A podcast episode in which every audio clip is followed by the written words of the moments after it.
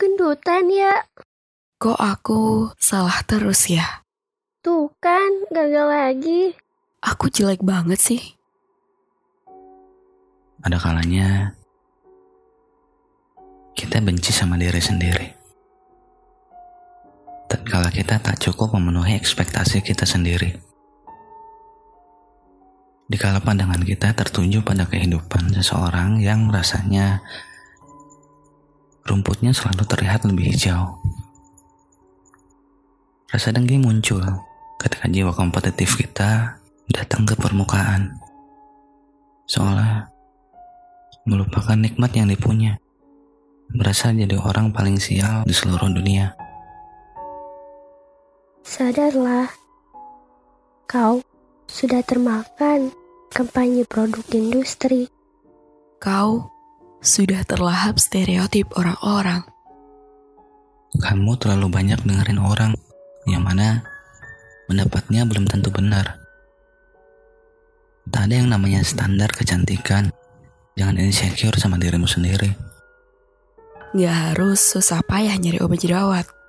Gak harus pakai baju hitam big size. Biar lipatan perut gak kelihatan. Kalau niatnya cuma buat dilihat orang, buang jauh-jauh deh sikap begitu.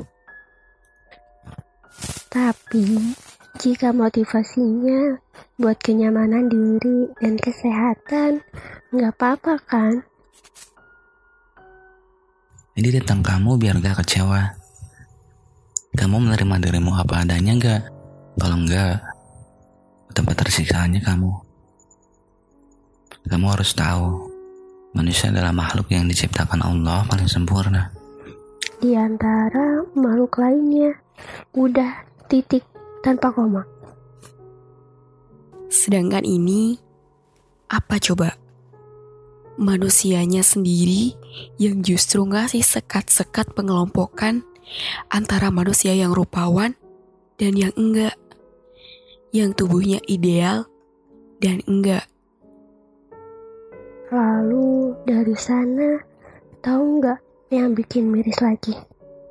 Iya, manusia yang kelihatannya ideal itu digadang-gadang dijadiin idola, dipuja-puji, dan dikagumi.